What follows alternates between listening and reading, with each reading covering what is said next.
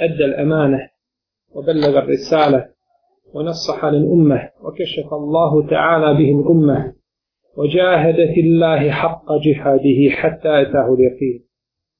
أما بعد فإن أصدق الكلام كلام الله تعالى وخير الهدي هدي محمد صلى الله عليه وسلم وشر الأمور محدثاتها وكل محدثة بدعة وكل بدعة ضلالة وكل ضلالة في النار أما بعد.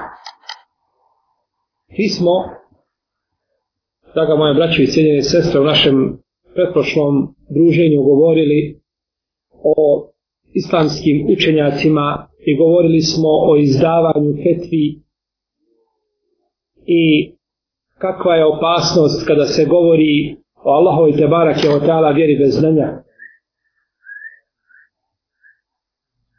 Pa ćemo u našem današnjem druženju nastaviti govoriti o ovoj temi zbog njene važnosti i zbog njene bitnosti za svakog muslimana. Jer svi musibeti koji dolaze i pojavljuju se na davetskom polju ili većina tih musibeta biva zato što se govori Allahu te barake o tala vjeri bez dovoljnog znanja. Uzvišeni Allah subhanahu wa ta'ala kaže فَمَنْ أَظْلَمُ مِمَّنِ اِكْتَرَ عَلَى اللَّهِ كَذِبًا لِيُضِلَّ النَّاسَ بِغَيْرِ عِلْمٍ A ko je nepravedniji od onoga koji o Allahu laži iznosi da bi ljude sa pravoga puta skrenuo bez znanja.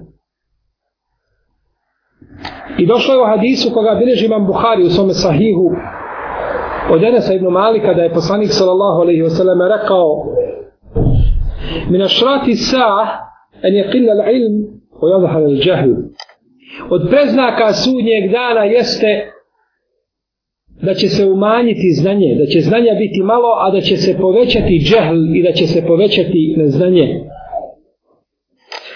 I kaže uzvišeni Allah tabarake wa ta'ala قل إنما حرم ربي الفواحش ما ظهر منها وما بطن والإثم والبغي بغير الحق وأن تشركوا بالله ما لم ينزل به سلطانا وأن تقولوا على الله ما لا تعلمون رتي o Allahov poslaniće, moj gospodar je zabranio nemoral javni i tajni i griješenje i nasilje bespravedno i da Allahu druga pripišete, da mu širk učinite i da Allahu govorite ono što ne znate. Kaže šehol Islam ibn Taymiyen, ibn Qayyim, uprosto u svome dijelu, i vaqi'in, nakon što je citirao ovaj ajet kaže ovdje, ovdje su spomenuta četiri grijeha. Nemoral i griješenje i nasilje i širk. I spomenuto je nakon toga govor o Allahu bez znanja. Kaže pa je učinio govor o Allahu bez znanja većim grijehom od širka. Tako je došao poredak spomenuti se grijesi manji pa je došao do širka pa nakon toga posle širka spominje govor o Allahu wa en tekulu ala Allahi ma la ta'alamun i da govorite o Allahu ono što ne znate pa je učinio te barake o ta'ala govor o Allahu azza wa žele bez znanja već je širka kako tvrdi šehol islam ibn Kajim rahimahullahu ta'ala. To je braćo jedna samo od opasnosti govora bez znanja. Kao što su činili pagani. Govorili su kaže uzvišeni Allah tabarak tela wa idha ta'alu fahišetan qalu wajadna alaiha aba'ana والله أمرنا بها kul inna الله la يأمر bil أتكونون على الله ala لا ma la ta'alamun i kada urade kako nemoralno djelo kažu mi smo zatekli naše očeve na ovome da su to radili i Allah nam je naredio da to radimo. Reci Allah ne naređuje da se a, nemoral čini, zar govorite o Allahu ono što ne znate, zar govorite bez znanja? Pa je govor, draga moja braća i cijeli sestre, o Allahu te barak tala bez znanja, jedan od najvećih grijeha. I zato govorimo i ponovo kažemo, kada bi danas na davetskom polju ušutali oni koji ne znaju ili manje pričali, nestala bi mnoga razilaženja i mnoge bi nesuglasice nestale i mnoge bi se sumnje raščistile njihovim, njihovom šutnjom. Jer o vjeri se ne može govoriti osim sa, osim sa znanjem. I jedan od musibeta kojim se mi danas iskušani jeste to što nema puno uleme u odnosu na umet. I naš što nas je upozorio poslanik sallallahu alaihi wa sallam u hadisu koga je bliži imam Buharija i muslim od Abdullah ibn Amra ibn Lasa da je rekao Allah neće uzeti znanje iz, od ljudi sa zemlje, neće dići znanje iz prsa uzimaju što znanje, pa da čovjek ne će bude alim, a u to bude džahil. Nije tako, nego će to učiniti uzimajući ulemu. Jednog po jednog, jednog po jednog, pa će onda, kaže, ostati neznalice, pa će ljudi pitati, pa će ljudi u zabludu odvoditi nakon što su sami u zabludu otišli. Pa nam ukazuje, znači, ovo, ova činjenica, ovaj hadis i drugi tekstovi, kolika je opasnost kada u jednom podebu, u jednom društvu nestane uleme kada se onda ljude odvojio od njihove matice i onda nakon toga možeš, one su žive lešine, možeš od nje raditi šta želiš i šta hoćeš. Kaže Ibn Hazm, Ebu Muhammed Ibn Hazm, eh, Zahiri, poznati pravnik eh, Zahirijske pravne škole, jedan od utemeljivača ovoga mezheba, kaže, nema opasnije stvari poznanje i gore po ulemu od ljudi koji se kaže pripisuju znanju, a nisu od znanja pa govore po svome neznanju i misle da popravljaju stanje ljudi, a u stvari kaže te sad po zemlji i nereciju. I kaže Ibnu Džauzi, poznati hambelijski učenjak, ako je obavez za vladaru da odredi kontrolore nad ljekarima ili na koji liječe ljude općenito, kakva je, kaže onda, obaveza njega u pogledu onih koji govore po Kur'anu i koji govore po sunnetu i koji ljudima izdaju fetve kada je u pitanju njihova vjera. Jer je tijelo manje bitno nego šta? Nego vjera. Pa onda ta kontrola mora biti žešća i jača. Ko to priča o vjeri? Jer danas braća svako može pričati o vjeri. I tesari, zidari, stolari, i moleri, svako može pričati o vjeri. I nikoga neće zaustaviti kazati, stani, ne može tako. Pa su naša mnoga braća u početku pričala o pantolama i o bradi, pa i niko rekao, nije rekao, stani, po čemu pričaš? Je li po znanju ili po neznanju? Pa su počeli pričati o namazu. Pa niko nije rekao, stani, kako pričaš? Pa su počeli pričati o ljudima, pa im niko nije rekao stani, pa su počeli tekfiriti ljude, pa im niko nije rekao stani, pa je nakon toga došao da tekfire i daje, pa im danas niko rekao, stanite živi bili. Kako govorite? Po znanju ili po svojim prohtjevima? Pa pogledajte kuda neznanje čovjeka odvede i kako ide šeitan sa njim stopu po stopu po stopu.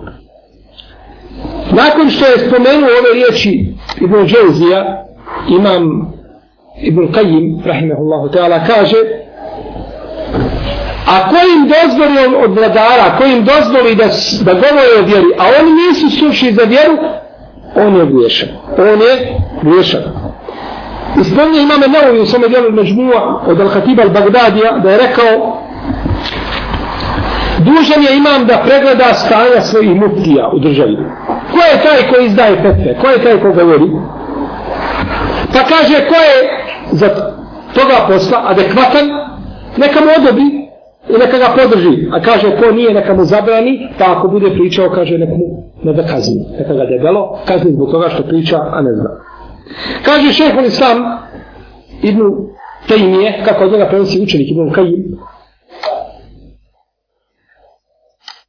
ako kaže kuhari i pekari imaju kontrolu, kako da nemaju oni koji govore o Allahove i Đelešanu vjeri i koji zaju petve? Oni moraju imati veće kontrolu. Pa neka danas pekar otvori pekaru i neka radi ljudima hljeb neka pravi. Bez dozvole i bez pravila koja su postavili ne i ne poziva se na uzus za koje su oni postavili. Šta će biti sa njim? Bićeš ne bude čovjek da bude negdje hirurg pa da izvrši operaciju bez, bez eh, kvalifikacije. Hljeb obični ne možeš napraviti ako nisi kvalifikovan za to. Kako možeš govoriti o onome što je najbitnije za čovjeka, a to je, a to je njegova vjera. Kaže poslanik sallallahu alejhi ve sellem u hadisu koga bilježe Buhari i Muslim od Ebu Hurajre: "I da bujate na manetu fantafiri sa." Kada se pronevjeri emanet onda očekuj sudnji dan. Pa su pitali, kejfe je tuha ja Rasulallah, a kako to biva pronevjera emaneta? Pa je kazao, Iza usnud al amru ila gajri ehlihi tentagri sa. Kada se povjere stvari ljudima koji nisu dostojni, očekivajte šta? Sudnji dan. Kada ljudi uzmu stvari, bilo koje pri, bilo šta si prihvatio, nisi slučan za to, to je jedan od preznaka sudnjega dana. I rekao je poslanik sallallahu alejhi ve sellem u hadisu koga bilježi Ebu Davud sa dobrim lancem prenosilaca od Ebu Hurajre من أفتى بغير علم كان إثمه على من أفتاه. كبادنا فتوى بزلنا بيش غريه ما أنا إذا أفتوى كبادنا فتوى بزلنا بيش غريه ما أنا إذا أفتوى s tim što neće uvijek onoga koji je tražio fetvu osloboditi grija. Naroči to ako zna da osoba koja mu je dala fetvu da nije adekvatna i nije stručna za to. Stoga je poslanik sallallahu alaihi ve selleme kazao u hadisu koga bilježe sabirači sunena imam hakim i imam vokije u svome dijelu ahbaru kuda tri vrste su kadija i ovaj hadis ima dobar lanac prenosilaca tri vrste su kadija Jedan je u džennetu, dvojica su u džahennemu. U džennetu je onaj koji zna ilm, ima znanje i sudi među ljudima ko to ne znaju. On je u džennetu. A ova druga dvojica su u džahennemu. Prvi je koji ne zna i sudi po džahlu među ljudima, a drugi je koji zna kao i prvi, samo ne sudi po tome znanju, nego sudi nepravedno pa su ova dvojica u džahennemu, a samo je prvi u džahennetu. Pa, draga moja braćo, dakle, znanje će koristiti čovjeku ako ga zna prvo i ako ga praktikuje. Nećemo koristiti ako ga zna, a radi suprotno tome znanju. Kada je El Qasim ibn Muhammed, poznati faqih Medine, pitan u jednom pitanju, rekao je, ne znam, pa je ovaj što ga je pitao, počeo ga pritisati, pritiskivati, kaže, odgovori mi. Pa mu kaže, ne znam Allahov robe. Razumiješ li me, ne znam. Nemoj, kaže, gledati u moju dugu bradu i to što se puno ljudi okupilo oko mene. Nemoj, kaže, gledati to. Ja ne znam to pitanje i tako mi Allah draže mi jedan jezik odrežeš nego da pričam ono što ne znam. El Qasim ibn Muhammed. Imam faqih, jedan od Fatiha Medine. Imam Malik kada je kada bi bio pitan, ka, uvijek mi govorio, kaže, nikada nisam upitan pitanje, a da nisam ispred sebe stavio džennet i džehennem. Kao da gledam u jednu i drugu i gledam gdje će završiti nakon toga. Pa kad ga je jedan čovjek jednoga dana upitao pitanje, kaže, ne znam. Kaže, kako ne znaš, to je lagahno pitanje, jednostavno, kako ne znaš? Kaže, nemoj govoriti da je jednostavno. Šarijat kaže, nema ništa jednostavno. Zar nisi, kaže, čuje riječi Allaha tabaraka wa ta'ala, inna se nulqi alejke qavlan saqila i mi ćemo tebi težak govor objaviti. Težak i ozbiljan govori sve je takva vjera. Nema, kaže, ništa jednostavno. Imam neovi kada je pitano pitanje braće spajanja nije ta. Kaže, razmišljao sam o ome pitanju 20 i nešto godina. Da li se mogu dva nijeta spojiti? Ja sada ubijeđen sam. 90% vas kada je neko pitao na ulici spajanje nije ta sunneta, sunnenu vudu, tehijetu mesčida, može li se spojiti? Vjerujem da su 90% odgovorno to pitanje. Imam nevo i kaže, 20 i nešto godina sam razmišljao o ome pitanju, a imam nevo i braću imaju 40 i nekoj godini.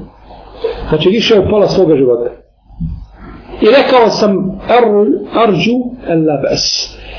Inšala da neće biti smetnje inša Allah da ne smetje. Nakon 20 godina razmišljanja, običnog fiskog pitanja na koje bi mi sad u onom momentu dali odgovor. Inna se nuqi alejke qawlan thaqila i mi ćemo tebi dati i objaviti težak, težak govor. Kaže imam Sofijun, to je jedan poznati malikijski pravnik koji je 240. iđeske godine, kaže, ja sam tako mi Allaha kaže naučio ove knjige što su ispred mene Znam ih kao Fatihu. Znači sve knjige što je ispred njega pika i stvari koje su napisane, naučio sam ih, kaže kao, kao umul Kur'an, kao Fatihu.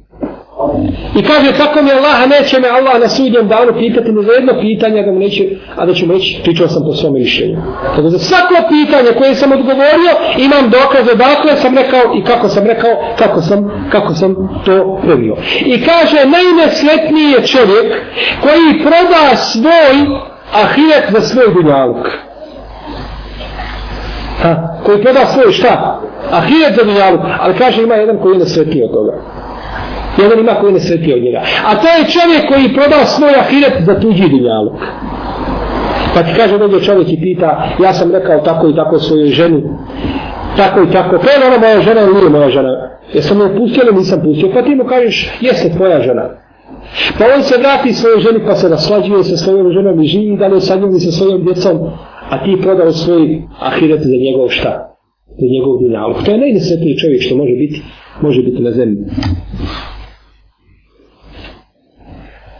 Stoga, draga moja braćo, vidimo danas da veliki broj ljudi žuri sa fetvama i sa pričom o vjeri.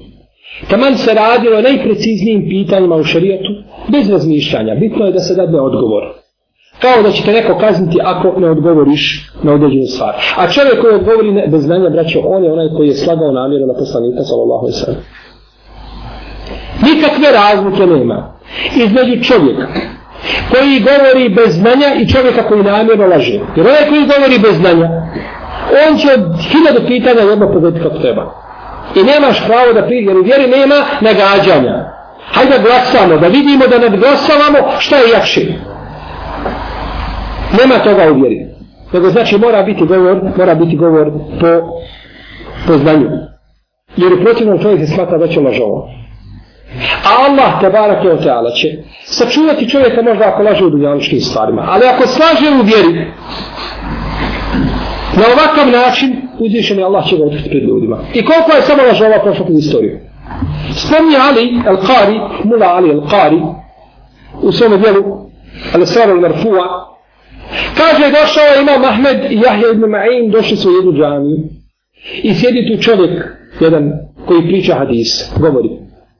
Kaže, pričao mi je Jahja ibn Ma'in i Ahmed ibn Hanbel, od Abu Razaka i Sanaanija, od Mamara, od Katade, od Enesa, da je Resulullah sallallahu alaihi wa sallam rekao, ko kaže la ilaha illa Allah, čisto iz srca, Allah će kaže od svake riječi njegove stvoriti ticu čije su perja od zlata, od rubina i, i nastoje nakon toga govoriti hadis na 20 stranica. Nikad kraja.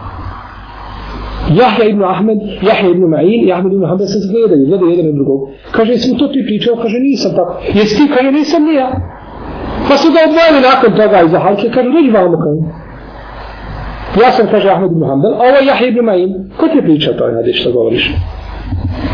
Kaže, ja sam čuo da ste dva dvojica glupi. A kaže, tek se sad vidio da ste vi glupi. Kaže, vi mislite da ste jedini Ahmed ibn Hanbel i Jahja ibn Ma'in u dunjalku. Kaže, meni je pričalo 17 ljudi koji se zove Ahmed ibn Hanbel i Jahja ibn Ma'in u ovdje u hadisu. Nije bilo prvi put što je slagao. Pa je ja, Ahmed, Jahja ibn Ma'in stavio ruku svoju na, na usta, smije se i vuče mama Ahmeda, bjež, bjež, kaže, pusti ga. Vidi se koliko je sati. Kao što je došao čovjek kod došao jedan od koji pričaju hadise i sjedi kaže pričao mi je Ameš od toga od toga od poslanika sa osrame da je rekao tako i tako. A Ameš uh, Suleman ibn Mehran al Ameš stoji tu i gleda u njega. I zna da mu to nije pričao. Pa je došao sjeo u sve te halke i digao svoju ruku i počeo či, uh, bijeti dlake ispod pazuha. Pa mu kaže ovaj što priča da iskaje šejh boj se Allaha kaj, kako te nije sramota? Mi, kaže, poučavamo se znanju i haku i ti sjeo, kaže, usled halke, kaže, činiš to što činiš. Kako te, gdje ti je edebi kultura? Kaže, ovo što ja činim, ovo je bolje nego što ti činiš. Kaže, ja ovo što činim, ovo je sunnet, a ti, kaže, lažeš. A ti si ulaži. Kaže, pa je moj postupak bolji od tvoga, od tvoga postupka. Pa je tako uzvišen je Allah te barak je otela, otkriva lažove. I svako kod govori o Allahove vjeri bez znanja, on se smatra lažovom. Teba mislio da nije, jer ti si protivno bio zadužen da šutiš i da, i da ne pričaš. Bileži imam Darini i Tabarani ili Hatib u svome djelu Faqih ili Mutefakih. Ali Ibn Esauda radijallahu anhu da je rekao nema kaže ni jedne godine da ona koja je poslije nje nije gora od nje. Ne kažem kaže da u jednoj godini ima više kiše nego u drugoj. Ili da je vladar u jednoj godini bolji od drugog. Nego kaže svake godine se uzima ulema i kada njih nestane, onda će doći, kaže, ljudi koji će govoriti po svome znanju, pa će tako uništiti, pa će tako uništiti islam. I bliži nam tabarani i Ibn Abi Asim, u svome djelu sunne, salantel za koga kaže Ibn Hajar i šeha Albani da je dobar, da je poslanik sallallahu alaihi wa sallam rekao, Ja ejuhan nas, ta'allamu innama l'ilmu bi ta'allum, on fikhu bi tafakkuh. O ljudi kaže poučite se znanju. Poučavanje znanju biva poučavanjem. A fik biva učenjem fikha. I ko misli da može dobiti znanje, osim toga da sjedne i podere stolicu sjedeći, neka zaboravi. Nema toga znanja. Vrijeme poslanstva je završeno.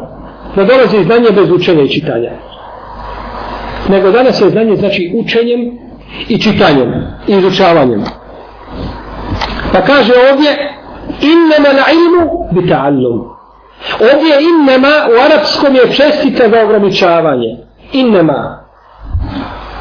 Innama jae Muhammed. Došao je samo Muhammed i niko drugi. Ograničio na njega. Tako je ovdje. Ilm je samo čitanjem i izučavanjem i nema drugog puta da se dođe, da se dođe do znanja. Tako ono što govore neki koji su skrenuli s pravog puta, pa kažu vi uzimate znanje živi od živi, a, mrtvi od mrtvog, mi mrtvi od mrtvoga, a mi kaže uzimamo živi od živog direktno, haddeteni kalbi ar rabbi, kaže pričalo mi je moje srce od moga gospodara. Kad Ibn Hajar spomenuo ove riječ, kaže وَهُوَ كُفْرٌ بِتِفَاقِ أَهْلِ شَرَاجَ Kaže, to je nevjerstvo po konsensusu, kaže, svih vjera. I židovi, kršćani, ovi, oni svi kažu da to ne može tako, da je to nevjerstvo da čovjek tako priča, jer to dolazi isključivo poslanicima na takav način.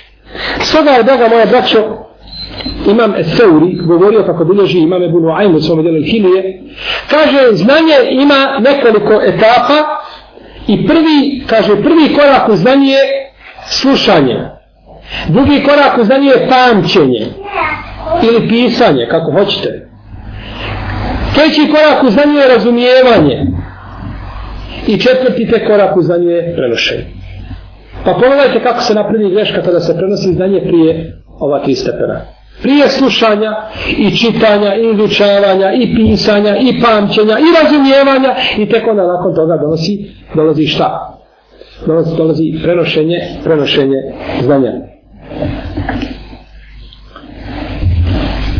Učenjaci ummeta, draga moja braćo, su ti koji su uložili svoj život u sticanju znanja. I vjerujem da nekima od njih, možda je krivo uviđenje, ali takvo je sada za sebe, da mjesto krvi teče znanje po venama. I kada pogledate u njih i u njihov govor, ne možete ništa drugo zaključiti. Ebu Hatim Ar-Razi, jedne prilike čuo hadis koga prenosi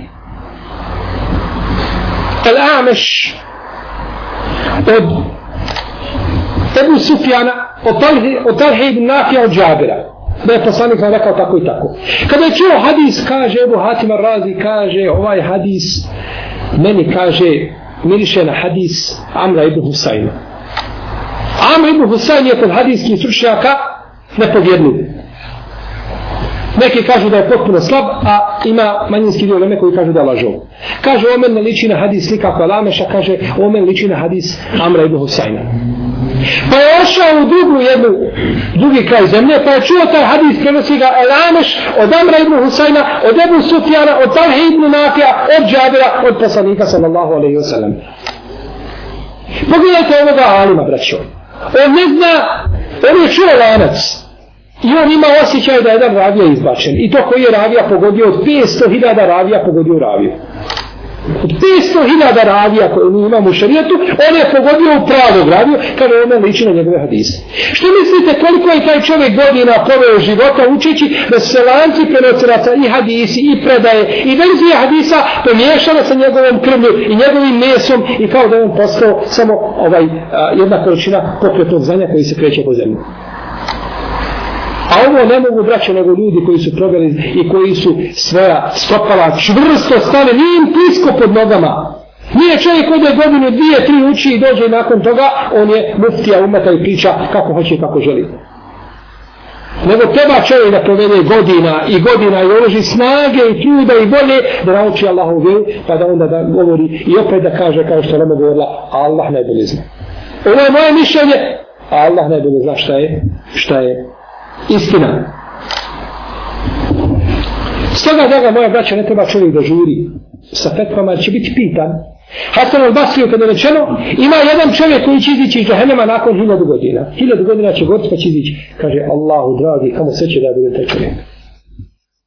Allahu, da ja budem taj čovjek, Hasan al-Basri, koji je uzmao znanje od 70 ashaba i pozvat da treba govoriti o njemu, kaže gospodar moj da ja budem taj čovjek koji će spasti hvate nakon hiljadu godina što će govoriti u, u džahennemu. Spomnije imame Darimi sa vjerodostojnim lancem prenosilaca što me sunjeno kako kaže mu Hadžar Askani u svome djelu Fetul Bari od Busra i Mubejdillaha da je rekao putovali smo, kaže, preko zemaljske kugle, preko zemalja i zemalja prevaljivali, prevaljivali gore i planine da bismo uzeli samo jedan hadis. Čuješ da ima negdje jedan hadis i trebaš otići prevaliti hiljade kilometara na devi da samo uzmeš jedan hadis i da se vratiš. I možda kad uzmeš taj hadis možda bude dajiv, možda bude slab. A kaže Ebul Ali kako spomenu na hađu u svome djelu Petul Bari, kaže slušali smo hadise od, da, da su ashabi govorili od poslanika sa osnovne, pa ih nismo prihvatali dok ne odjemo i ne provjerimo. Znači čuje ovaj tabin od drugog tabina od, od ashaba.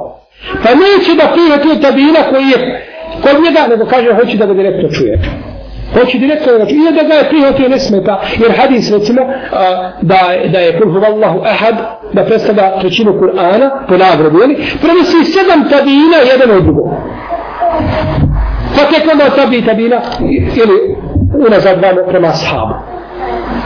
Sedam tabina. Nema smetje da prenose jedno drugi. Ali toliko su htjeli da provjere vijesti, nego kaže idemo i otputujemo nakon toga u Šam, ili u Egipat, ili u Kufu, ili u Hidžaz, ili u Basru. Nije bitno ili u Jemen, nije bitno kuda da čuju samo taj hadis direktno od ashaba koji ga, koji ga prenosi. I da čujete, draga moja braća, mi smo možda nekada spominjali priče njihovih putovanja. Kako su putovali, kako su slitali znanja i kako su na tome putu ulagali vrijedno i drago da bi nama ovaj emanet prenijeli. Kojim se danas, nažalost, a mnogi muslimani poigravaju. Ja ću vam spomenuti, mimo onih primjera koje sam spomio prije toga, dva primjera u vreme kako su slikali znanje i šta ih je snalazilo na tome putu.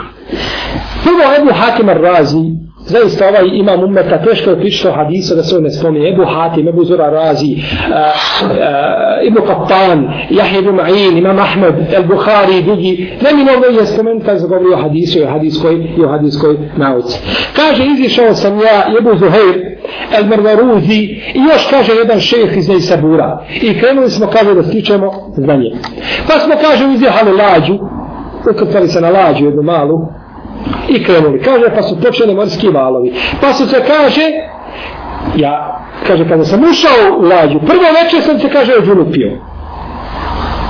A ne znam, kaže, plivati. Pa su me, kaže, zavezali za kanap, pa su me spustali u more, malo pomalo, kaže, dok nisam, kaže, tako se ugusulio, pa su me izvučili. Da mo, da mogu namaz obaviti nakon toga. Kaže, pa se je počela pa se je počelo more igrati sa nama valovi, kaže, pa se igrala sa nama, igrala sa nama tri mjeseca. Na moru, tri mjeseca se igraju, ti ne znaš ništa ne vidiš, i ne znaš kuda ideš, i nemaš orientacije, i nemaš kompasa, i nemaš pomoći, osim da okreneš i da moliš Allaha, da šalom da te spasi da saču. Kaže, pa nas je izbacilo na nekako ostrovo. I gdje te izbaci, ne znaš gdje si došao, dok ne upitaš gdje sam došao. Kaže, pa smo išli prvi dan na ono što nam još malo hrane ostalo. Pa smo pojeli to prvi dan. Pa smo drugi dan išli pili vodu samo. I išao se opet pustinja ispred sebe. Hiljade kilometara sve pustinja, nema niku, ne znaš kuda ideš. Pa smo drugi dan, kaže, pješačili na vodu. Pijući vodu što je ostala. Pa smo, kaže, treći, četvrti i peti dan išli, ništa nema. Pa je, kaže, pao šej al mrgoruzi, pa smo ga ostavili, ne možeš mu ništa pomoći. Ni hrane, ni pića, ne možeš mu pomoći. Pa smo nas dalje. Kaže, pa sam pao ja. Pa me ostavio ovaj šeh ne kaže, pa je otišao i slučajno, kaže, prešao na drugu stranu i vidio lađu i mahao sa svojom odjećom, kaže, pa su prišli, pa mu dali hrane i vode, pa je prišao, pa nas napojio na hranio, kaže, pa smo ustali i nastavio opet dalje ići. Kaže, pa smo opet oženili. Pa sam, kaže, nakon toga uzeo, našao veliku jednu kovnjaču i razbio onaj njen oklop i kaže, kupio jednu bijelu tekućinu, ona bijela tekućina što se slijeva ispod, ispod tog oklopa i kaže, to sam pio da bi mogao da liči. I tako dalje nastavlja svoju priču u sticanju znanja. Kako je sebe prodavao karavani da ode stitac za. Treba ići u jedno mjesto, ne može ići pješke. kaže karavani, uzmite me kada da vam perem posuđe i da, da vam služim deve, samo da me odvedete do toga mjesta da ja slušam predavanje. Drugi primjer, primjer Muhameda ibn Abdel Bakija, kada je došao u Meku da stiče znanje, pa je nestalo obskrbe, nestane hrane na brzinu. Braći, oni kad zgovno hrani, oni zgovno hrane dan dva. Imam hrane za dan za dva ili za tri najviše. Pa je došao u Meku, nakon određenog vremena nestalo obskrbe. Kada pa sam išao hodati po mekanskim ulicama, ne bilo me ko nahranio. Niko kaže ništa, niko me ne zove. Pa sam, kaže, našao jednu kesu. U njoj vidim, kaže, svilu i vidim, kaže, rubin kakvog nikada moje oči u životu vidjela nisu. Kaže, pa sam uzeo tu kesu i vratio se u stan. Kaže, kada nakon toga čujem glas, viče čovjek, ko je našao kesu sa svilom i rubinom, neka se javi, kaže, dobit će 500 dinara. 5000 dirhema. Pa sam rekao, Allahu dragi, kaže, evo spas. Kaže, pa sam izišao napolje, kaže, i kaže, vidio sam čovjeka slijep, slijepac izgubio to. Kaže, pa sam mu to vratio, nisam htio ništa uzeti. Pa je obavio šta je imao obavljati u Meki. Jer ponekad čovjek, braćo, uzeo bi neku stvar koja mu možda ne pripada. I raduje se ali kad vidi i kada treba to da učini, onda ga spriječi njegova takva i njegova bogobojaznost da učini ono što je uzvišen Allah te barak tada zabranio. Kaže, pa sam nakon toga odlučio da iziđem iz Mekke, pa sam krenuo, kaže, ja i moji prijatelji, kaže, na, na lađu, na more. Pa se je more uzburkalo i, i valovi su kompletno ra, lađu rasturili, razvalili je. Samo sam ja, kaže, ostao okačen za jednu dasku daska. Sva lađa se razvala i on na jednoj daski nasled mora. Kaže, pa sam 13 dana ostao tako na moru. 13 dana bez ičeva, bez hrane, bez... Ako može biti morsku vodu, to je. Kaže, pa me izbacio, pa su me valovi izbacili na jedno ostrovo. Kaže, pa sam došao na to ostrovo. On je ostao, znači, neki nakon toga, određeni period dok nije završio što se tiče znanja. Pa sam došao kada to ostrovo i ušao u jednu džamiju gdje sjede ljudi. Pa sam, kaže, slučajno im imamio. Pa su vidjeli da lijepo učim, kaže, pa sam rekao, haj bud nam imam, plaću ti platiti dati. Kaže, pa sam pristao. Pa su vidjeli da znam i čitati i spisati, pa su kazali, kaže, haj od našu djecu pismu, kaže, još više ćemo ti platiti. Kaže, pa sam pristao i na to. Kaže, pa nakon izvisnog vremena su mi kazali, kaže, kod nas ima jedna djevojka, jetim. Što kaže ne da te oženimo? Da ostaneš kod nas uvijek. Pa kaže hoće. Kad je već tako hoće. Pa su mu dodali tu djevojku jetimku da je oženi. Kada je došla ta djevojka, na njenom vratu, ona je rubin iz Mekije. I on stao i gledao Rubinu. I ne mišlje od rubina. I ona pođe plakati. Pa kaže, što plaćeš? Pa kaže, on gleda samo Rubin, ne gleda u mene. Ja njega ne zanima, nego Rubin zanima njega. Kaže, kaže, čovječe, gledaju mladu. Kaže, ima jedna priča koju moram ispričati vezano za taj Rubin. Kaže, desilo se tako i tako i tako. Kad je to ispričao, počeo ljudi tekbirati. Pa što mi kaže, što tekbirate? Kaže, njen babo se je vratio istog momenta vamo i rekao, gospodar moj, pošali, kaže čovjeka koji je našao, kaže, ovaj Rubin, kaže da udam svoju čerku da njega. Pa je nakon toga uzvišen je Allah te barak je obskrbio ga sa dva sina od te žene. Pa je umrla ona. Pa je nasledio, Rubin je nasledio on i ta dva sina. Pa, pa su preselila oba dva sina, pa je Rubin ostavio. Pogledajte znači kako, šta takva uradio čovjeka. Pa je Rubin ostao njemu. Kaže, Ibn Ređep, da je taj Rubin vredio 100.000 dinara. Milijon dirhema. Pa mu je nakon toga ostao taj taj rubin. I tako je, draga moja braća ulema, gdje god da pogleda, danas sve vremena ulema, šeh Albani je obolio od raka. I kod ljudi ima poznata medicina, kod općeg svijeta, 40 dana koji izdrži da ne jede i da ne pije, Neće će se izdrži toga. Pa je 40 dana bio, nije jeo i nije pio. Ljudi su mu morali nogu, dizati mu nogu na ono stopalo, koje je stavljeno za, na kolicima i je mogao dignuti nogu od muke. A svaki dan je provodio, provodio u biblioteci, pisajući hadise, ocjenjujući hadise i bavići se da Do zadnjeg momenta života, u, u post, kada je bio u krevetu, u bolnici, tražio da ga prebace u biblioteku da radi. Iz kreveta da radi. Jednostavno čovjek se ne može odvojiti od znanja.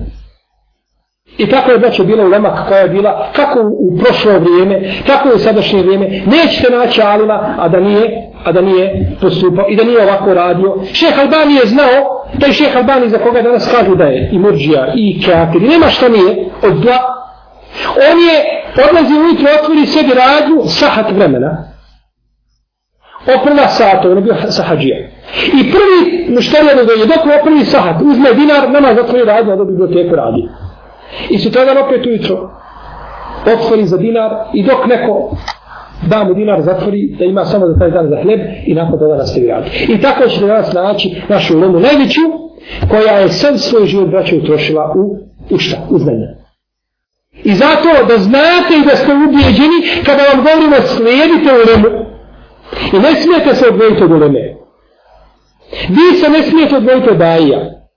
Šta god da ljudi pričali o njima i neistine na njih iznosili. A daje se ne smije odvojiti od uleme. A ta se u nama ne smije odvojiti od imama ummeta. A imama ummeta se nisu odvajali od suneta poslanika sa osrme. Pa je to tako sa generacije na generaciju jedna veza, jedna, jedna nit koja nas čuva i veže nas sa sunetom poslanika sallallahu alaihi wa alaihi wa. Mi ne kažemo, draga moja braćo, i cijenjene sestre, da o vjeri može govoriti samo onaj koji radi ovako. Ne, onda niko od nas ne mogu prišto vjeri, to da su nije ikakve ali ipak čovjek mora imati kakvu pozadinu. Ne može on biti, biti ono što su oni bili. Ko može biti koji ima Asakir, koji imao 1200 svojih šehova. 1200 imao profesora koji je sticao za njim. Imao 80 i nešto žena koje su ga poučavale za njim. Kako se spominje o Muadžemu, ali da da je napisao on posebno, u petom tomu se spominje, da ima posebnu risalu ili studiju gdje je pokupio imena tih žena i on je biografiji pisao. Ne možemo sigurno biti kao oni, ali čovjek da bi pričao o znanju i da bi pričao o šerijatu, mora znači, mora imati ovaj a, a, znanje s jedne strane i mora braćo imati edeb i etiku s druge strane, ono što smo spomenuli u prvom predavanju. Da čovjek ima etiku i da ima znanje, i kada govori o ulemi, da govori na najljepši način, a ako ukazuje na njihove greške, da ukaže na najljepši način, bez vijeđanja, bez e, potvaranja, bez omalovažavanja i sl. tome. I sigurno da će na takav način onda uzvišeni Allah te barak dala dati znanje, a odati bereketa u a, njegovom znanju i da će ljudima da se okoriste od toga znanja. U svakom slučaju, tema braćo o kojoj pričamo je velika i široka, o njoj se može puno pričati, a, može, se, a, može se puno govoriti, jer, jer i govorili smo o njoj u stvari mnogim našim predavanjima, no međutim moramo se s vremena na vreme posjetiti na našu ulemu, tako da čovjek ponekad ne pomisli da je nešto naučio i da je puno stekao kada vidi ove imame, kako su učili, kako kažu, kada sam naučio te knjige, sve što imate, imam ne uvijek govorio, nije govorio, kaže, kada sam pročitao tu knjigu, nego kaže, kada sam je naučio na pamet kaže naučio. Ibn Hajar Raskalani kaže sve mogu razumjeti kod Ibn Taymiye, ali ne mogu, ne, ne mogu razumjeti kako može citirati citat iz neke knjige tamo koji je pročitao prije 15 godina citat pola stranice citira u harf kao ajet kada citira. Harf jedan ne pogriješi. Samo iz neke knjige pročitao nešto i to prenosi kao da je skenirao i prenosi sa skenerom vamo, znači ništa ovaj ne propusta od toga. Pa je to znači bila ulema koja je uložila svoj, svoj trud i problem naše daje, braćo, jeste džahl. Ništa drugo. Ono s čime se susrećemo jeste, jeste džahl. Ljudi ne znaju. Opći svijet ne zna. Čovjek mi je pričao, izišao sam, kaže, u dan, da pozivam ljude u pustini. Pa sam došao do, do tog jednog glavnog poglavara s loše pričali o vjeru. Ljudi se inače tebligu dava, poznat džemat, jeli, koji nastoji da radi za Allahovu vjeru, no međutim pomankava im znanja. Pa su sjeli pričali mu sve Ramazana. Pa je tamo naredio tamo nekome da zakolje ovaj, janje da zakolje da napravi jelo sobot i tako dalje. Pa je donio pred njim prije i kindije donijeli hranu. Kaže, jedite, kaže, vi ste moji gosti, kaže, da sala nagradi što ste došli tako da nas... Pa kažu, Ramazan je, mi ne možemo jesti. Kaže, vi moji gosti, morate, kaže, jesti. Pa kaže, nismo došli, ni, ni postimo, mi smo postači izišli. Kaže, daj pušku. Pa je donio pušku, pa je repetirao pušku pred njima svima, kaže, jesti, kaže, ovaj za vas hrana, jer kod je najveći, ovaj, uh, najveća ugleda je za njih, da im da odbiješ hranu koju ti je ponudio. Ljudi osnovne stvari, osnovne propise ne znaju.